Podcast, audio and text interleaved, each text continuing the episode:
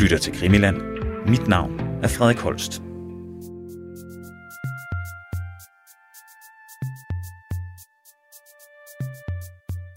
Velkommen til denne uges udgave af Krimilands sommerserie Palme Genbesøgt, hvor vi vender tilbage til Palme efterforskningen for både at vende nogle gamle sten igen en ekstra gang, men også forsøger at vende nye sten, der ikke tidligere er blevet vendt i Krimiland.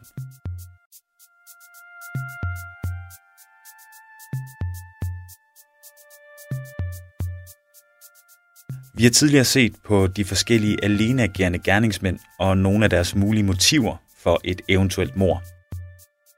Og i denne uge så beskæftiger vi os igen med spor og mistænkte, nemlig det såkaldte politispor og det man kalder for landsforrædersporet, i et afsnit vi kalder svenske sammensværgelser.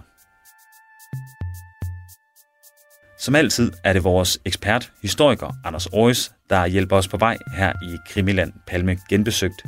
Og inden vi starter på politisporet, ja, så har Anders lige noget vigtigt, man skal holde sig for øje, når man beskæftiger sig med politisporet og bruger det som begreb.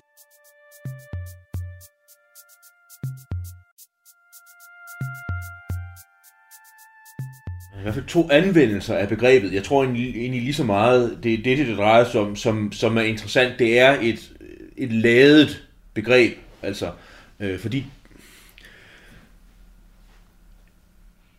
det kan betyde to ting.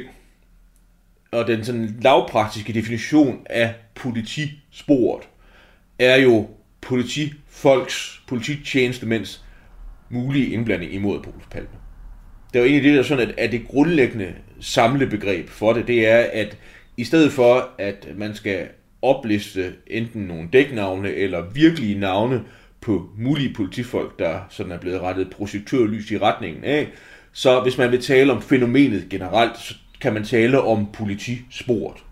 Og det er der blevet gjort kontinuerligt, stort set lige siden, ikke umiddelbart efter mordet, men, men der kom en bog i 1987 på svensk, en af de første bøger, der kom overhovedet, der hedder, den hedder selvfølgelig Polissporet på svensk, altså politisporet. Øh, så der var en, en, en bog, der havde titlen og var med til at skabe begrebet.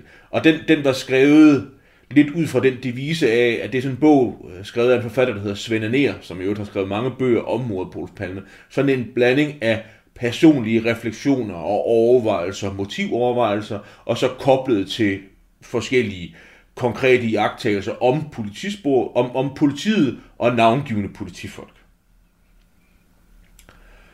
Øh, og, så, og så blev det selvfølgelig et omstridt begreb. Øh, sådan helt, helt sådan stilfærdigt, hvad angår en virkningshistorie, så var det sådan, at, øh, at nogle af dem, der var uenige eller forsøgte at distancere sig fra, fra eller kritisere folk, der talte om politisporet, eller og dermed politimænds mulige indblanding mod Pols Palme, så blev det til sådan en, en, en, en sproglig figur, man i visse kredse kunne bruge til nogen, man måtte distancere sig fra.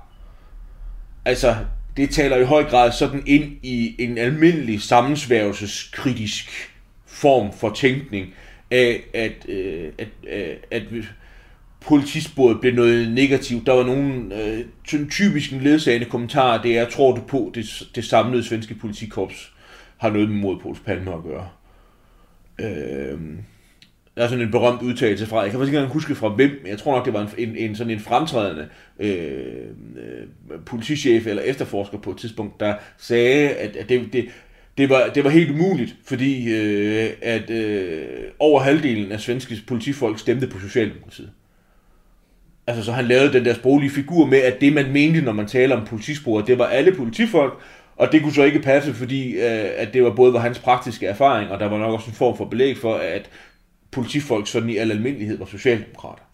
Så det var sådan et omstridt begreb, Øh, der var den, øh, jeg forsøgte at skitsere den neutrale betydning, altså det med, at det bare er et, et, et overordnet begreb for nogle forskellige former for øh, mistanker mod enkeltpersoner og bestemte netværk. Så man ikke behøver at komme med en lang introduktion og sige, når jeg nu vil tale om øh, mistankerne mod politimand A, B og C og D, eller Ø, D, G og F, de har mange dæknavne, og hvis man vil være fortrolig med dem, så kan man lytte til nogle af de tidligere afsnit af Krimiland. I kan også vende tilbage til det lidt senere. Men i stedet for at tale om det, så bare overordnet tale om politisporet, muligheden for eksistensen af et politispor i den, med den betydning af, at det betyder bare visse politifolks mulige tilknytning til mordet på Øh, og jeg synes, det, det er værd at nævne, vi talte jo i et tidligere afsnit om Grænsningskommissionen, den her statslige kommission, der arbejdede fra 94 til 99, som fik til særlig opgave at undersøge politisporet. Og der er også et helt kapitel i kommissionens betænkning, der hedder politisporet. Så der, der er ikke, hvordan skal man udtrykke det, altså øh, det, det kapitel, der er der i, drejer sig ikke om det samlede svenske politis mulige indblanding i, i mordet på Olof Palme. Der har man den her uddybende begrebsafklaring, som vi også skal til at komme til nu. Altså, hvorfor begyndte man overhovedet at tænke i de baner?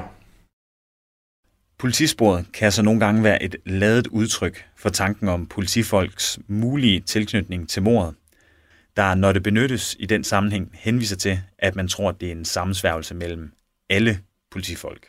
Det er naturligvis ikke den betydning, vi lægger i ordet, så når vi taler om politisporet, så mener vi altså ikke hele politiet, men bare visse politifolk. Og med det på plads, så tager vi fat i, hvorfor det kan være interessant at se på politisporet. Og jeg tror ikke, der, der var ikke sådan noget, øh, sådan øh, nogen, der spontant tænkte palmemordet politifolk. Det havde noget at gøre med sådan forskellige personer, der kom til offentlighedens kendskab på forskellige vis. Og det baserede sig på, på nøjagtigt det samme som alle mulige andre former for iagttagelser.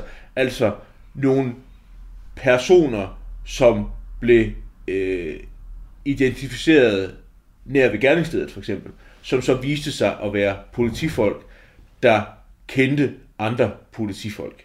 Det, der sker i perioden efter mordet, det er jo, at, øh, at, at der er en interesse i at finde nogle iagtagelser, som har forbindelse med mordet.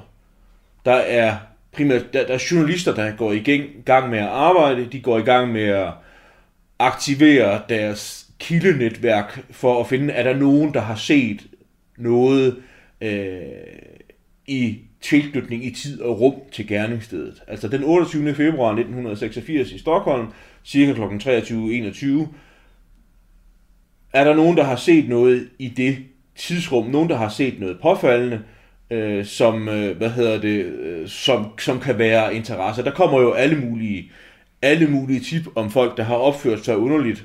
Øh, de er, øh, er kendt i forskellige detaljeringsgrader. Øh, nogen, der øh, kom, kom gående af en gade øh, øh, 10 minutter efter mordet opførte sig underligt. Der er sådan et kendt tip for eksempel med, med, med, med en mand, der kommer gående, jeg, og jeg tror, det er sådan 10 minutter derfra, sådan her, altså en, en mand, der signalementsmæssigt godt kunne ligne morderen, og som også havde mørkt tøj på, og så da han passerer, passerer de personer, der så vedkommende, så forsøgte at skjule sit ansigt. Og det er sådan en helt klassisk, klassisk afvejning af tid og rum og betydning. Har det noget med mordet at gøre eller et eller andet? Vi behøver ikke nå frem til et punktum i det, men det var den type tip, man efterlyste. Og hele den proces ledte frem til, at der, tror jeg, og det er egentlig ikke så overraskende, så kom der nogle tip frem om, hvor, hvor det så viste sig, at de personer, der var indblandet, det var politifolk. Altså, at, øh, at lige så vel som der kom, kunne have kommet tip om, lad os bare tage det løsrevet, en buschauffør, mm. så kom der, kom der tip om politifolk. Og, og der kom jo ikke noget buschauffør Nej. hvis vi kan lave det så. Der kom ikke noget buschauffør-tip, fordi øh, der var ikke tilstrækkeligt mange buschauffører, der kom tip ind om, eller hvor der kunne være sådan en overordnet motivbillede eller andet, men der kom tilstrækkeligt mange tip ind om politifolk. Ja. Af forskellige grader, af, med, selvfølgelig med forskellige grader af troværdighed. Hvad du sige? Jeg siger, øh, ja, eller, eller hvis, hvis vi kan tage, tage op tid, øh, fra tidligere, øh, altså heller ikke tip om taxichauffør. Det kunne, altså, som du også nævnte, de var jo nærmest lidt i den periode, var politiets forlængede ører og øjne ude på gaderne, de vil, er vel til stede nærmest i endnu højere grad end politiet. Ja, Det spor kom der heller altså du, du, kunne faktisk, du kunne faktisk nok i højere grad lave noget, der hed taxichaufførsporet. Ja. Ikke i den betydning af, at du skulle være en taxichauffør, der havde begået mordet, men der kom for eksempel også tilstrækkeligt mange tip ind fra taxichauffører. Altså det, det ja. er en helt undergenre i sig selv. Altså folk, der kom kørende i deres taxa og så noget bestemt i tid, tiden og timerne omkring mordet. Taxichauffører, der havde haft en, en bestemt passager, som opførte sig underligt. Det er der jo et, et, et, et, meget relativt langt og udførligt tip om en taxichauffør, der samler en passager op, ikke ret langt fra gerningsstedet, og kører ham øh, af nogle lidt underlige ruter ud af Stockholm og ud til en parkeringsplads ude ved motorvejen, hvor han så sætter sig ind i en bil og kører, kører væk. Altså. Og, og hvad, hvad ved jeg, kan det have noget med mod at gøre? Det, det, det er interessant. Og det, det jeg bare vil illustrere, det er, at man fik samme effekt. Altså, at du begynd, man begyndte med journalistisk interesse om et tip, de tip politi efterforskningen fik, og så viste det sig så, at nogle af dem, der var genstand for de her tip her, det var politifolk. Og dermed blev, om man så må sige, en byggesten til et samlet politispor lagt. Og, og jeg, tror, jeg tror, det er nemmere sådan at sige noget generelt om, tror jeg, hvor, hvorfor nogle folk resonerede sådan. Altså, hvorfor kunne man gå fra enkelte isolerede tip om politimænd og generalisere ud fra dem og knytte dem til et samlet politispor. Og det tror jeg, der er mindst to forklaringer på. Øh, den ene forklaring, tror jeg, er, er, jeg håber ikke, den er så simpel, så den virker barnlig, men lad os nu tage den alligevel. Altså, politiet som profession hører til dem, der må bruge vold og bruge våben.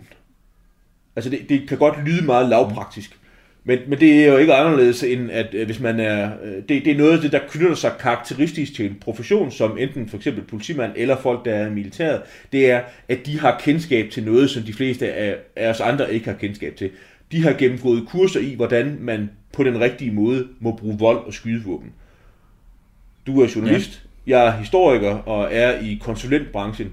Det hører ikke til mine kompetencer, og det ligger meget, meget fjernt fra mine kompetencer overhovedet at, at, bruge, at, at bruge vold mod nogen, eller have viden om, hvordan man anvender et skydevåben til at slå andre mennesker ihjel.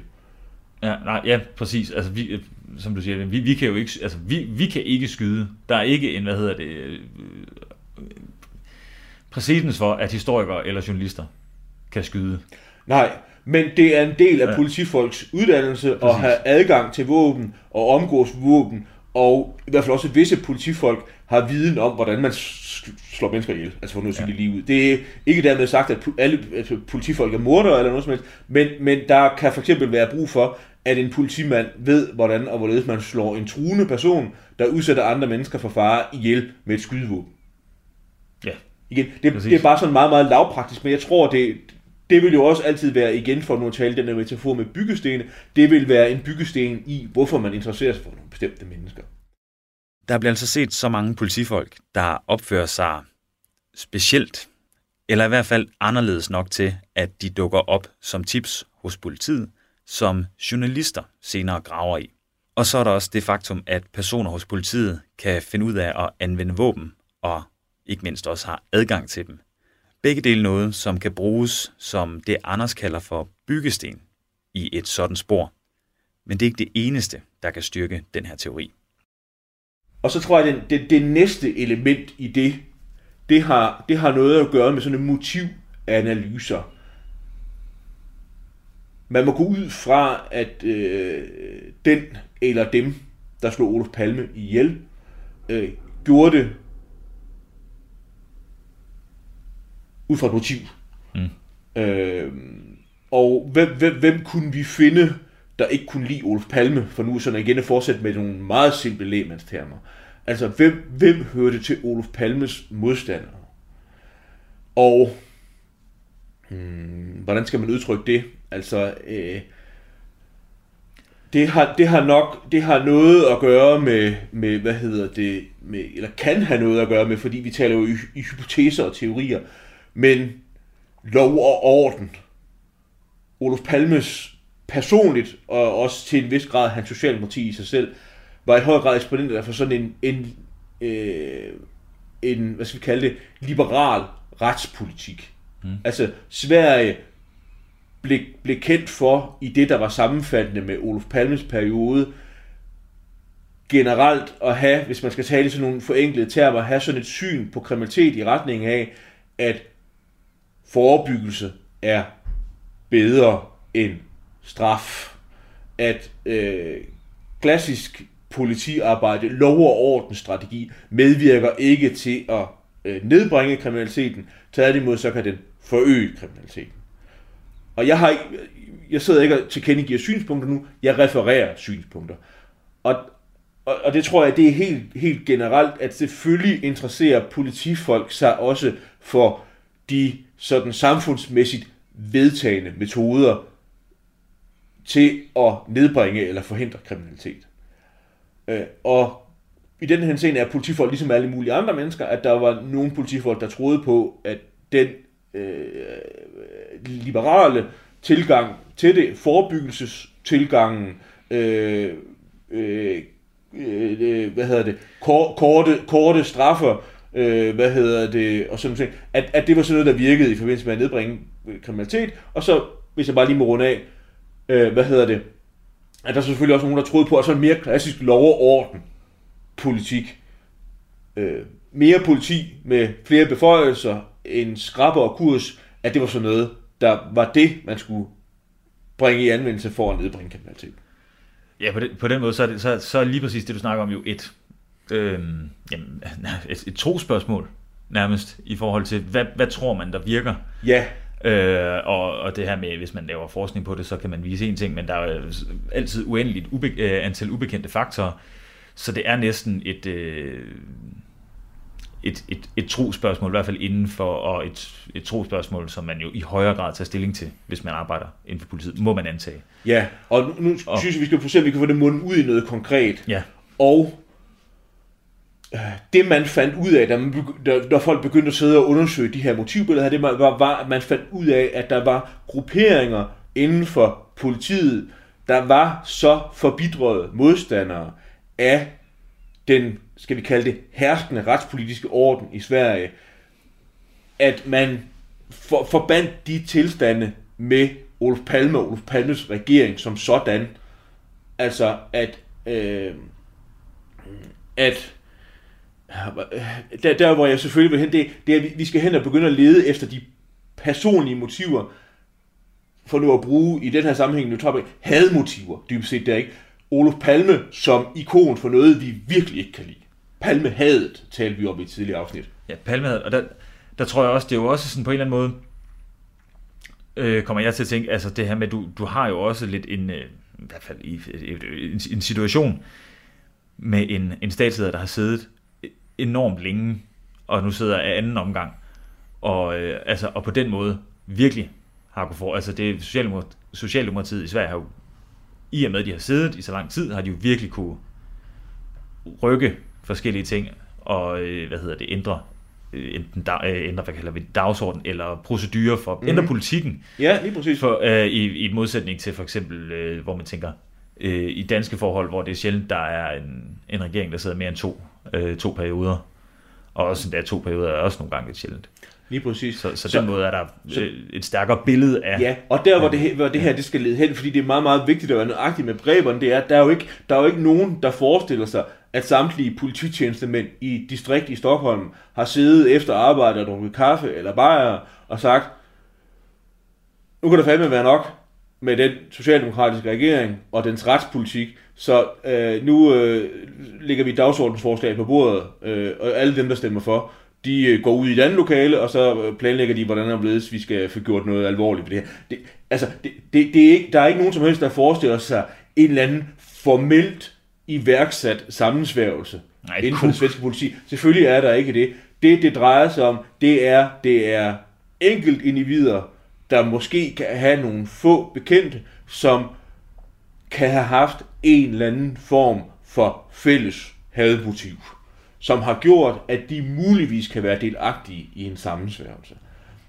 Og nu, nu synes jeg, vi, der, der er jo indspillet afsnit om nogle af dem, men, men altså, vi, vi plejer at bruge bog, altså begrebet bogstavsbetjentene. Altså det er fordi i en lang periode, så var der jo nogle af de her forskellige personer, der kom frem, primært igennem journalistisk øh, grænsning, journalistisk undersøgelse, kom frem, så kom der en avisartikel om politimand A eller Ø, om man vil, hans, øh, hvad hedder det, øh, private forhold, øh, der journalistikken fik fremkaldt, at han var politisk modstander af Olof Palme. Han kendte andre politifolk, der var af det samme. Øh, han havde adgang til våben, og havde, hvis vi nu skal være helt konkrete, den her politimand A. Ø, som vi kalder ham. Vi kan godt kalde ham Østling, det har jeg ikke noget imod, fordi det er hans navn. Han lever ikke mere. Vi har talt meget om ham i Krimiland. Han er meget beskrevet i litteraturen. Hvad hedder det? Det er ikke en hemmelighed. Han, han får, får være repræsentant for sådan en enkelt byggesten i et politispor, fordi han havde været politimand, han kendte andre folk i politiet, som havde samme synspunkt som ham. De kunne ikke lide Olof Palme, de kunne ikke lide Olof Palmes politik. De øh, havde adgang til våben, og netop i Østlings tilfælde, så er der jo også det her, som vi også har foldet ud i et tidligere afsnit, de havde til med også en geografisk tilknytning til der, hvor Olof Palme blev myrdet, fordi Østling havde et firma sammen med en kollega, der havde et øh, kontor i David Barkers gate, der hvor, hvor morderen forsvinder. Den retspolitiske linje hos Socialdemokratiet kommer til udtryk ved en liberal tilgang til opretholdelse af orden i samfundet, hvor forebyggelse var i fokus frem for straf. En tilgang, der måske ikke resonerede lige kraftigt hos dele af politistyrken. Altså en uenighed, der kan spæde til palmehadet hos de enkelte betjente. Og i stedet for at gå alle de såkaldte bogstavbetjente igennem, så vil vi henvise til vores tidligere afsnit om de forskellige bogstavbetjente. Og det er afsnit 8, 10, 15 og 26 af den tidligere Palmeserie, som alle er sendt i 2020. Og som tidligere bemærket, så er politisporet altså ikke grebet ud af blå luft, eller i hvert fald så er der så mange konkrete sammenhænge, at kommissionen også bliver pålagt at undersøge det. Og, og det, det er så sådan nogle, så, så, et delelement i politisporet. En, en personkreds fra Østling til en politimand, vi har kaldt D, en politimand, vi har kaldt G, som vi også har lavet et helt afsnit om. Altså, hvor jeg vil sige, at det der, det der er metoden bagved, det er, at vi, vi går fra enkelte jagttagelser, så laver vi et begreb, der hedder politisporet.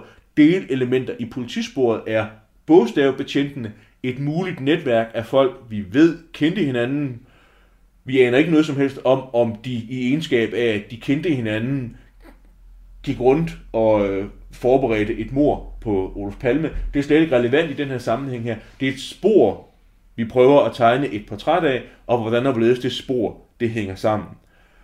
Øh, og, og, og til syvende og sidst vil, vil, vil jeg jo sige, at, øh, at, øh, at, at sporet viste sin berettigelse ved, at den svenske rigsdag, da den nedsatte en kommission, der skulle kuglegrave efterforskningen, så valgte medlemmer af den svenske rigsdag, så valgte de at sige, vi accepterer det her begreb, det her samlebegreb, politisporet, og vi finder de ting, der er lagt frem i offentligheden til fri debat og fri overvejelse, det synes vi er så vigtigt, så det beder vi en kommission om at undersøge. Og kommissionen undersøgt det er også, der er et langt kapitel om politisporet, hvor der er nogle af de sådan generelle overvejelse har, har fremlagt nu, men hvor der også faktisk er et større antal, jeg tror det er cirka 10 politimænd, som selvfølgelig ikke bliver navngivende, fordi øh, de har jo også krav på at få deres integritet respekteret, men er navngivende med A, B, C, D og så videre, anonymiseret, ligesom, øh, ligesom øh, i den anden sammenhæng talte vi tidligere om,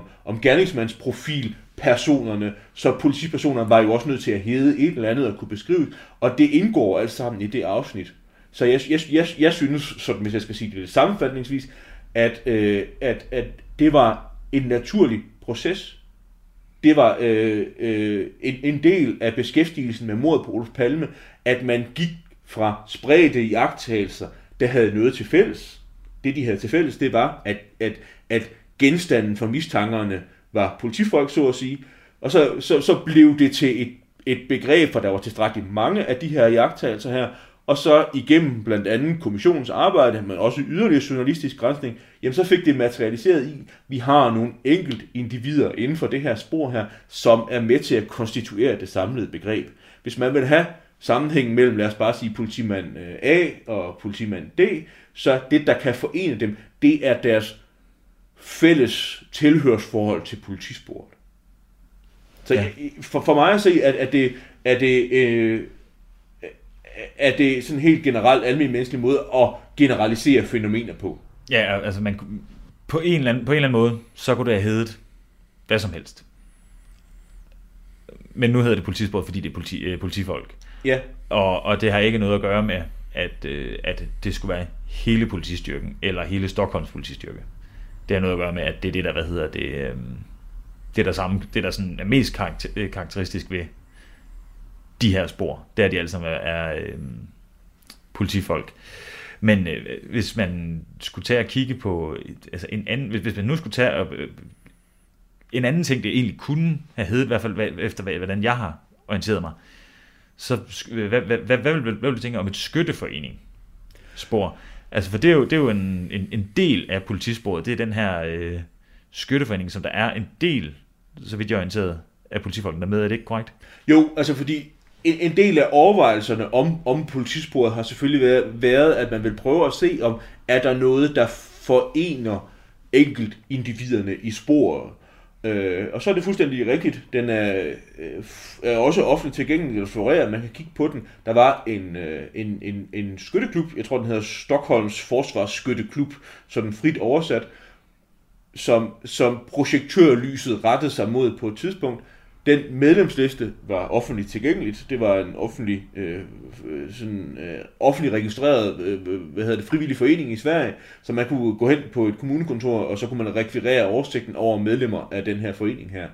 Øh, og det der så er med den liste over medlemmer, det er, at der er flere af dem, der er genganger fra sådan det overordnede politispor Ø, Østling, lad os bare kalde ham det. Ja, ja.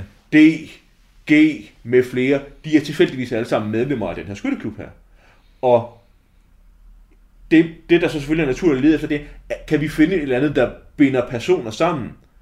Fordi det, det er jo også en helt nødvendig ting øh, med, med, med sådan øh, sammensværgelses tænkning generelt, for, forsøg på at konkretisere en sammensværgelse, så kræver det, at der er folk, der er sammensvorne, altså hænger sammen på en eller anden måde.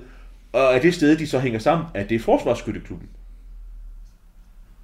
Ja, og i den forbindelse tænker jeg også, er der, er der andre, hvad kan man sige, nu, nu øh, altså via skytte, øh, skytteforeningen, øh, griber griber politisporet, altså kan politisporet så binde sammen med andre formodninger, altså andre personer, der, der er tilknyttet andre teorier til?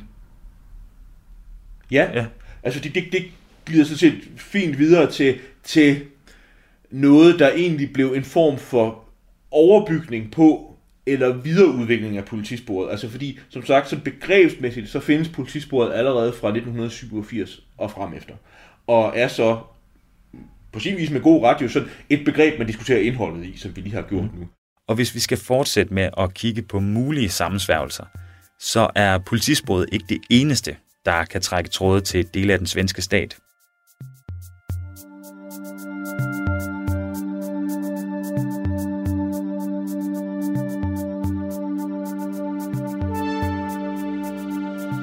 For der er jo nemlig også landsforrædssporet. På et tidspunkt, vil jeg begynde med at sige. Ja. Men, men, men sådan med forøget styrke i løbet af 1990'erne.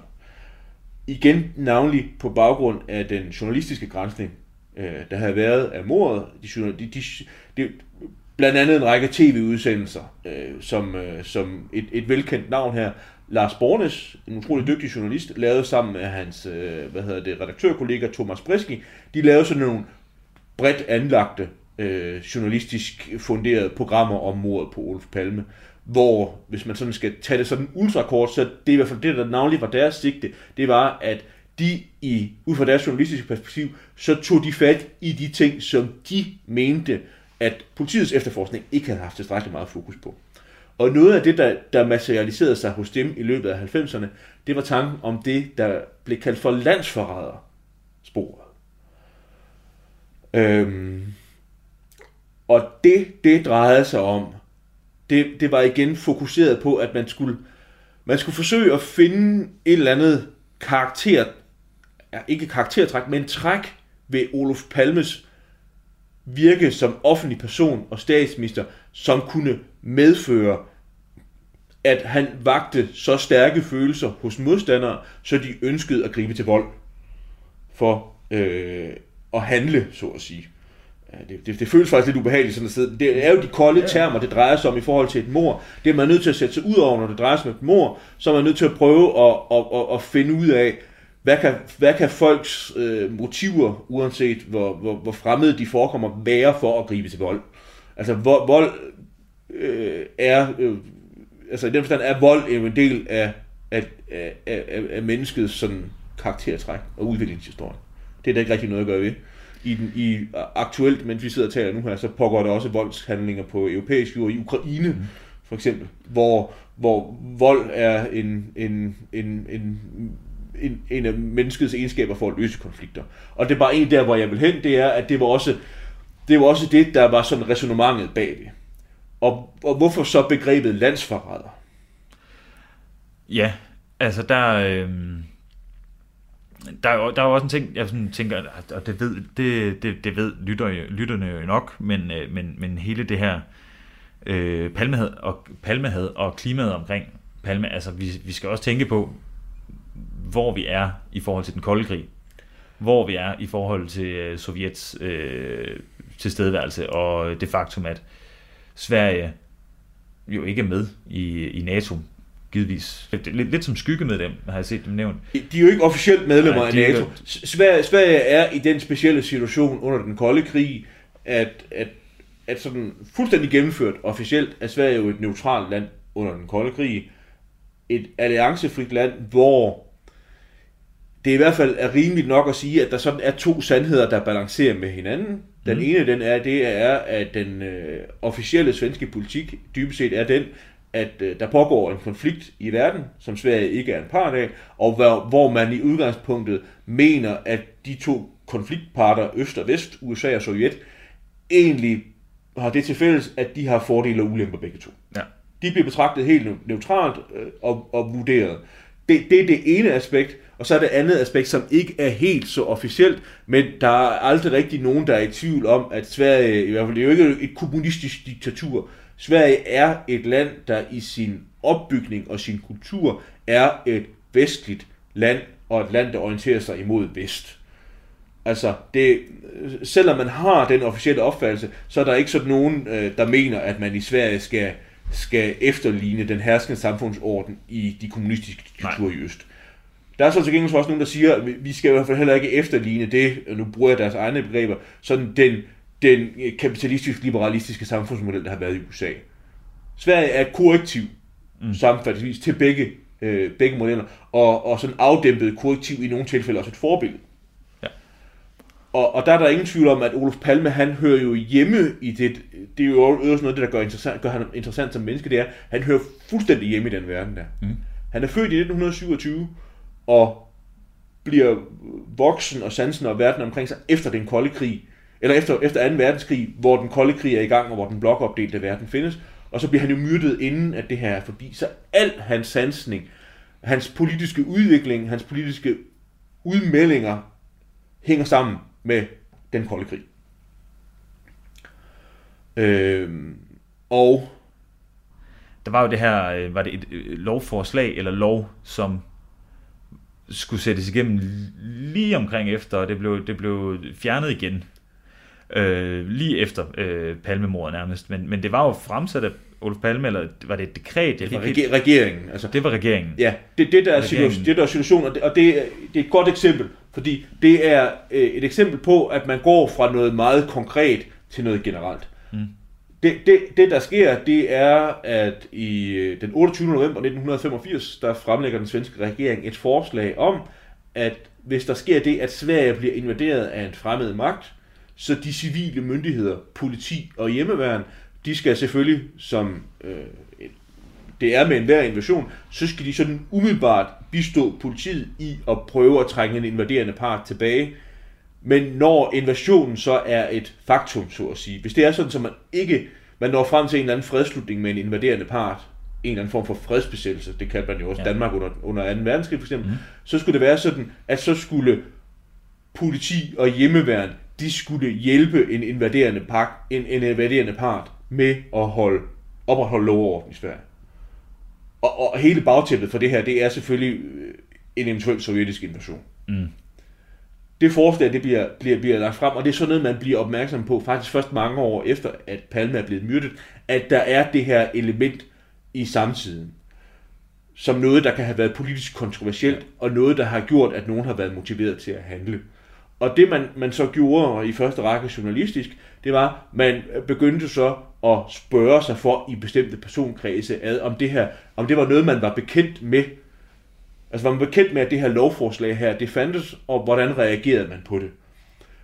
Og igennem de undersøgelser, så fik man så kontakt med kredse, både inden for politiet, men faktisk navnlig inden for militær og hjemmeværn, hvor det billede så begyndte at blive fremkaldt af, at der rent faktisk sad nogle personer, som ikke sådan som led i deres embedsførelse generelt, men sådan i deres generelle sansning af verden, så opfattede de for eksempel sådan et tiltag her, som værende for udtryk for, at den svenske regering under Olof Palmes ledelse førte en for eftergivende politik over for Sovjetunionen. Hvis man begynder at se på, hvad der vil kunne fremavle et motiv for en eller anden form for attentat mod Palme, så kan man se på Palmes neutrale tilgang til stormagtspolitikken, eller nærmere bestemt hans neutrale tilgang til stormagtskonflikten, som den kolde krig jo var. Og der kan man måske finde et muligt motiv i, at grupper eller individer kan se det som så stort et problem, at de kunne have fundet på at gribe til handling. For Sverige og Palme holder sig neutrale i forhold til både USA, men også Sovjet, og det var ikke alle, der var lige begejstrede for den tilgang. Noget, der er sammen med et lovforslag om, at svensk politi og militær ville skulle samarbejde med en eventuel besættelsesmagt, kan give et indtryk af, at Palme ikke var nok imod Sovjet. Og netop det lovforslag gav anledning til at kunne tegne et landsforræderspor i militærkredse. Det, det generelle så knytter an til, det er øh, hele Sveriges generelle selvforståelse, formuleret gennem Olof Palme og Olof Palmes periode. Olof Palme havde en, en øh, var en stor internationalt profileret politiker i hele verden. Han var kendt i hele verden, og noget af det, han blandt andet var kendt for, det var, at øh, han, Sverige var jo som sagt neutralt og alliancefrit, og Palme samarbejdede meget med en del andre internationale politikere, som var i samme situation. Han, det mest kendte eksempel, tror jeg nok, det var, at han var på god, god forbindelse med, med indiske politikere. Altså Indien var jo samme situation, og det var et, et, et stort land med en stor befolkning, en stor økonomi, som stod uden for den blokopdelte verden. Altså det var hverken et kommunistisk altså de, de, havde ikke, de, de havde ikke specielt øh, gode forbindelser med, med, med Østblokken, men, men følte sig heller ikke sådan nært knyttet til, til, til, til Vestblokken under den kolde krig. Så det var sådan et land, som, som Olof, Olof Palme var, stod i god forbindelse med.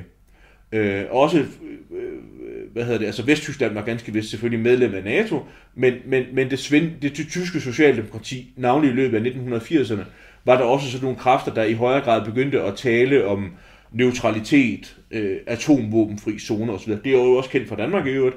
Vi skal slet ikke begynde at referere hele debatten nu, men, men man behøver nok bare at sige fodnotepolitikken i 80'erne, så er det tilstrækkeligt øh, nøgle til, at man skal begynde at undersøge, hvad der foregik i Danmark også under den kolde krig. Altså, for nu at forsøge at gøre det, gøre det kort og konkret, altså det Olof Palme var eksponent for både nationalt i Sverige, men også kendt for i hele verden, det var, at han var kendt for, at man skulle forsøge at affinde sig med den blokopdelte verden. Han var øh, formand for sådan en stor kommission med en øh, række øh, internationalt kendte politikere, både fra øst og vest i øvrigt. Altså, der var en, øh, en, øh, en amerikansk, jeg tror han var tidligere udenrigsminister, og så en, øh, et fremtrædende medlem af, hvad hedder det, jeg tror det var politbyrået i det Sovjetunionens kommunistiske parti, så er simpelthen med i en kommission, som Palme var formand, og så var der også vesttyske politikere, der var indiske politikere og mange andre. Det var så nogen, der satte sig ned og tænkte tanker om, hvordan og hvorledes verden skulle hænge sammen under den kolde krig. Og de arbejdede meget med sådan et begreb, der hed fælles sikkerhed. Det er lidt svært at forklare, men, men, men Olof Palme arbejdede jo for, for, for, af, for altså militær afrustning, fred og afspænding i verden. Og en, en af, af, af forudsætningerne for det, det var, at han ønskede, at, øh, at både USA, men også Sovjetunionen skulle føle sig sikre og ikke, ikke truede. Det var den måde, hvordan hvorledes man kunne få en fredelig verden under den kolde krig. Og så, så, så var der sådan øh, Øh, ret, ret almindeligt sådan synspunkt i den kolde krig, det var helt forkert, at, øh, at, at, at det, var, det var nødvendigt, at den vestlige frie verden satte sig for at vinde over Sovjetunionen, dybest set. Altså det ved vi jo, det var det, der skete før Sovjetunionen gik under, den kommunistiske verden forsvandt, men i Palmes levetid, bare i 1980'erne, var det en fjern, fjern tanke, at det overhovedet skulle, overhovedet skulle kunne ske. Så der var sådan en, en konflikt imellem antikommunistiske, antisovjetiske kredse, og så Olof Palmes syn på den kolde krig. Og nu skal vi se, om vi kan nå frem til sådan en sammenfatning af, hvad det har med landsforrædersporet at gøre. Men det har, det har noget at gøre med det samme, af, af sådan en, en grundlæggende forestilling om, at der fandtes nogen, der mente noget andet om Olof, øh, end Olof Palme. De mente, de mente noget andet om Sveriges position i verden under den kolde krig, og de mente noget andet om øh, den analyse, Olof Palme stod af, altså havde fremlagt i forhold til, hvordan og hvorledes skulle vi få en sikker verden under den kolde krig. Og, og hvis man sådan skal kort skal referere deres synspunkter, så, så altså, de mente jo, at man skulle, man skulle, tog, man skulle turde tage konflikten dybest set. Ikke? Altså, Sverige, Sverige skulle, skulle i højere grad være en del af den antikommunistiske verden. Hvad vil du sige? Og der tænker jeg, der tænker jeg altså på, på, på sin vis, altså det her med tilgang, øh, Olof Palme og Olof Palmes på sin vis, så øh, Olof Palme, Olof Palme og Olof Palmes regering, den tilgang, de havde til konflikten, øh, koldkrigskonflikten, og hvordan Sverige skulle placere sig, øh, adskiller sig fra, hvordan andre tænker måske endda lidt, øh, måske lidt på samme måde, som øh, man tænker, øh, hvad hedder det, kriminalitetsbekæmpelse. Kunne man ikke tænke... Altså, pa- parallellen er åbenbar, ja. åbenbar ikke? Det med, at, at du, kan, du, kan have, du kan have en stavlig uenighed, mm. og så, så kan du have forbidrede modstandere.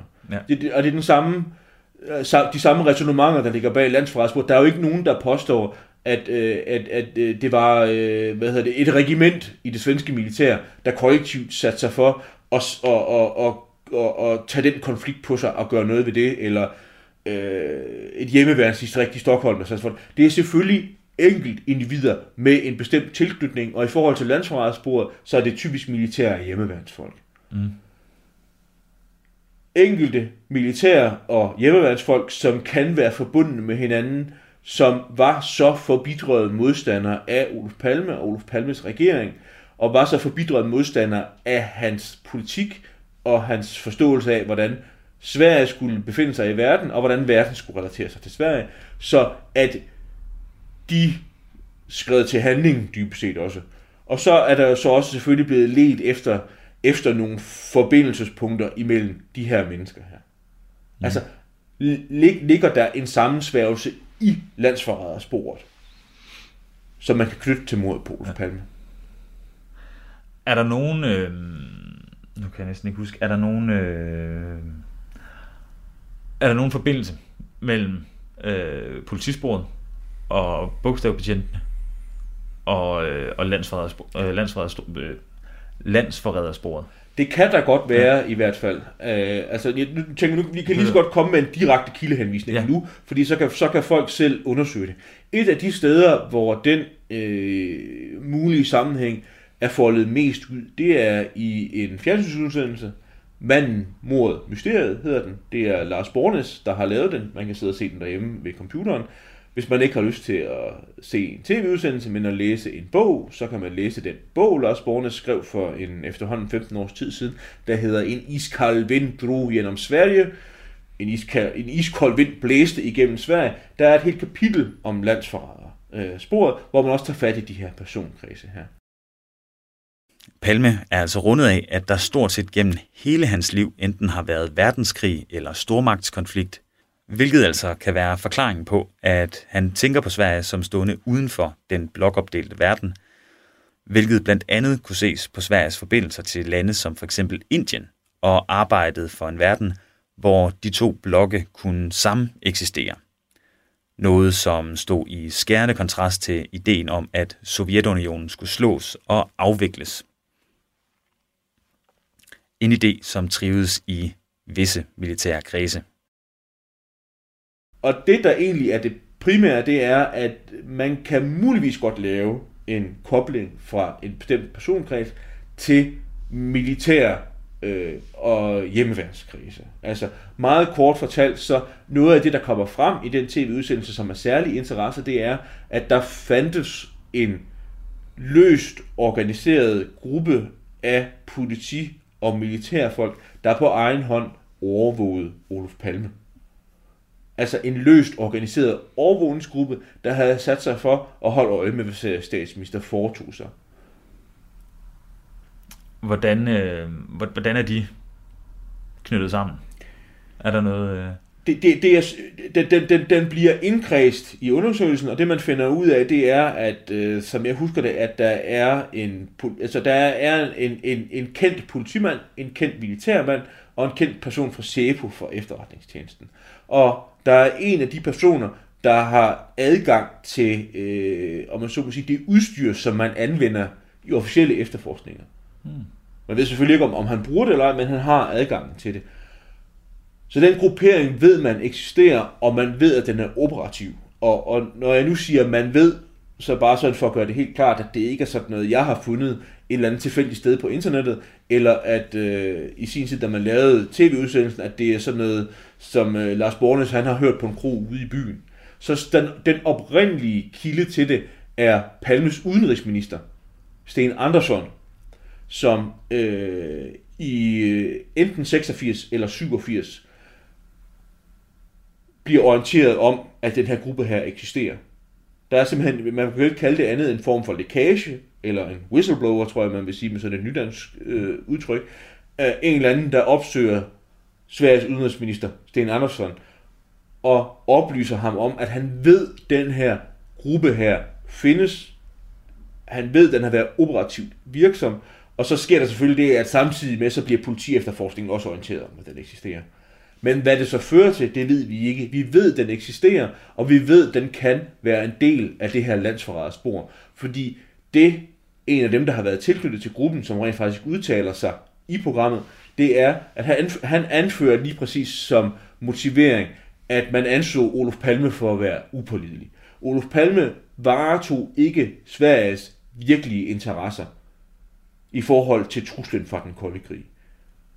Så, så det er igen her, at der, der kan du finde motivet. Mm. Du kan finde nogen, der er så forbitrede modstandere. De stolede ikke på Olof Palme, og de mente, at der var en mangel, altså der var en manglende sammenhæng imellem, at de var ansat til at arbejde med, at Sverige var et frit, sikkert og uafhængigt land, der var militært og politimæssigt beredte på at modstå en invasion, og så havde landet en statsminister, der ifølge deres overbevisning ikke levede op til de idealer. Så derfor satte de sig for at tage sagen i egen hånd. Så skal det selvfølgelig understreges, at der er jo så ikke en direkte forbindelse til mordet, men der er en personkreds med et, nogle synspunkter og et muligt motiv, som kan lede os til mordet. Og så er opgaven selvfølgelig, opgaven havde været for politiefterforskningen at prøve at efter, øh, hvad så er det, efterforske det her. Men der tyder det meste på, at det ikke er sket. Og der, det så må så være op til den enkelte at sige, at det er begrundet, at de her mistanker her for løse, er det for, øh, øh, hvad hedder det, for, om så må sige, for langt ude til, at det kan give nogen mening, eller kan de fleste godt følge det her motivbillede her? Jeg vil sige, jeg kan godt. Jeg kan godt følge det her motivbillede her, fordi at, at der, hvor, hvor, hvor, der kan man muligvis finde det det fornødende modsætningsforhold, det fornødende had til, at, at nogen kunne skride til handling, så at sige.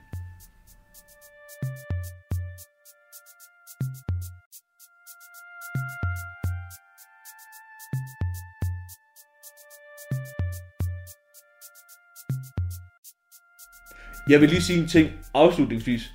Det er, at det er værd at nævne, at Grænsningskommissionen skriver helt eksplicit i sin øh, betænkning, at det her motiv er undersøgt utilstrækkeligt. Altså det er ja, en af Grænsningskommissionens vurderende bemærkninger, det er, at det her landsforrædersporet, synet på Olof Palme som landsforræder, er underbelyst og er aldrig blevet undersøgt systematisk af efterforskningen, og altså så formuleret som en kritik. Noget, der ikke er gjort, men noget, der bør gøres. Så igen kan man sige, at, at vi har forsøgt at, at tegne et, et bredt perspektiv mm. her i forhold til i forhold til nogle spor og nogle motiver, øh, og så kan man godt sidde og tænke, det er to øh, unge fyre i radioen, der sidder og taler om øh, konspirationsfantasier ja. osv. osv. Men vi har altså en, en, en, af den svenske regering nedsat kommission, som har undersøgt den her sag her, som har udpeget, det, altså dels har undersøgt det ene spor per direktiv, og peget på, at det andet spor, det andet motivbillede, landsforræder motivet, det er aldrig blevet undersøgt systematisk, og det er i hvert fald ikke blevet undersøgt tilstrækkeligt. Men øh, det kan vi håbe på, at det bliver.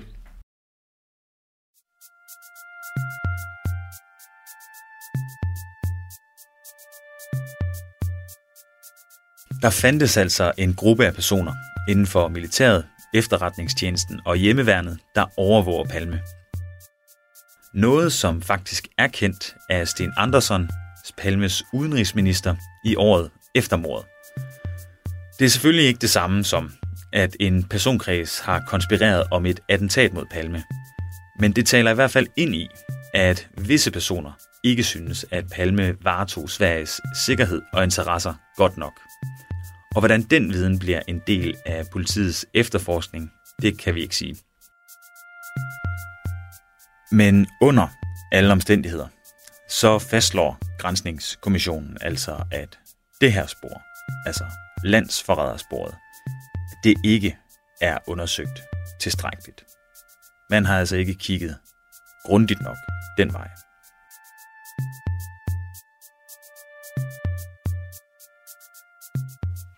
Men som Anders siger, så kan man håbe på, ligesom med så mange af de andre steder, hvor der ikke er efterforsket i bund, Håb på, at det på et senere tidspunkt kommer til at blive genstand for en form for efterforskning.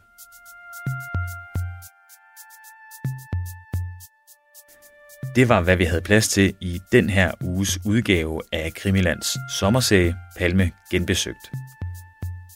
Mit navn er Frederik Holst. Jeg er din vært, og jeg har igen fået hjælp af historiker Anders Aarhus. Hvis du vil høre programmerne om de forskellige bogstavbetjente, så ligger de, ligesom resten af den tidligere Palme-serie, klar på radio4.dk eller i appen. Og det samme gør alle afsnittene om Estonia og serien Æderkoppen og min morfar. Gennem programmerne så taler vi om en del forskellige YouTube-clips og dokumenter. Og for at du ikke skal sidde og bruge tid på at lede internettet igennem efter dem, så skriver vi dem både i show notes, og så har vi lavet en samling af alle links på vores Facebook-side, som hedder Krimiland-Radio 4. Krimiland er produceret af Wingman Media for Radio 4. Tak for i dag, og tak fordi du lyttede med.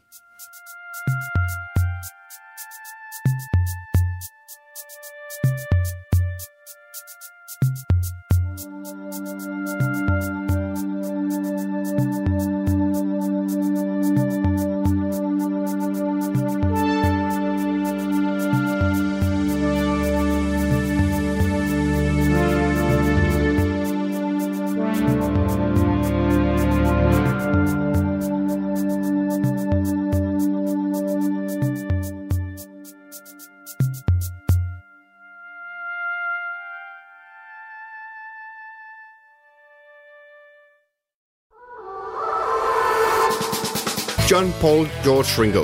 Det er nærmest et børnerim. I årvis har man diskuteret, hvem der egentlig var den femte Beatle. Jeg synes ikke, det er helt forkert at sige, at The Beatles er en af de 20. århundredes største myter. Over sommeren sætter Beatles-nørderne Christoffer Lind og Nils Jakob Myge jagten ind på at finde den, som har gjort sig fortjent til titlen. Nu skal vi have det etableret en gang for alle. Hvem var den femte Beatle? Fra store personligheder til anonyme vandbærere, dramatiske livshistorier og tragiske skæbner. Og selvfølgelig med massevis af god musik. Lyt til jagten på den femte Beatle i Radio 4's app eller der, hvor du lytter til podcast.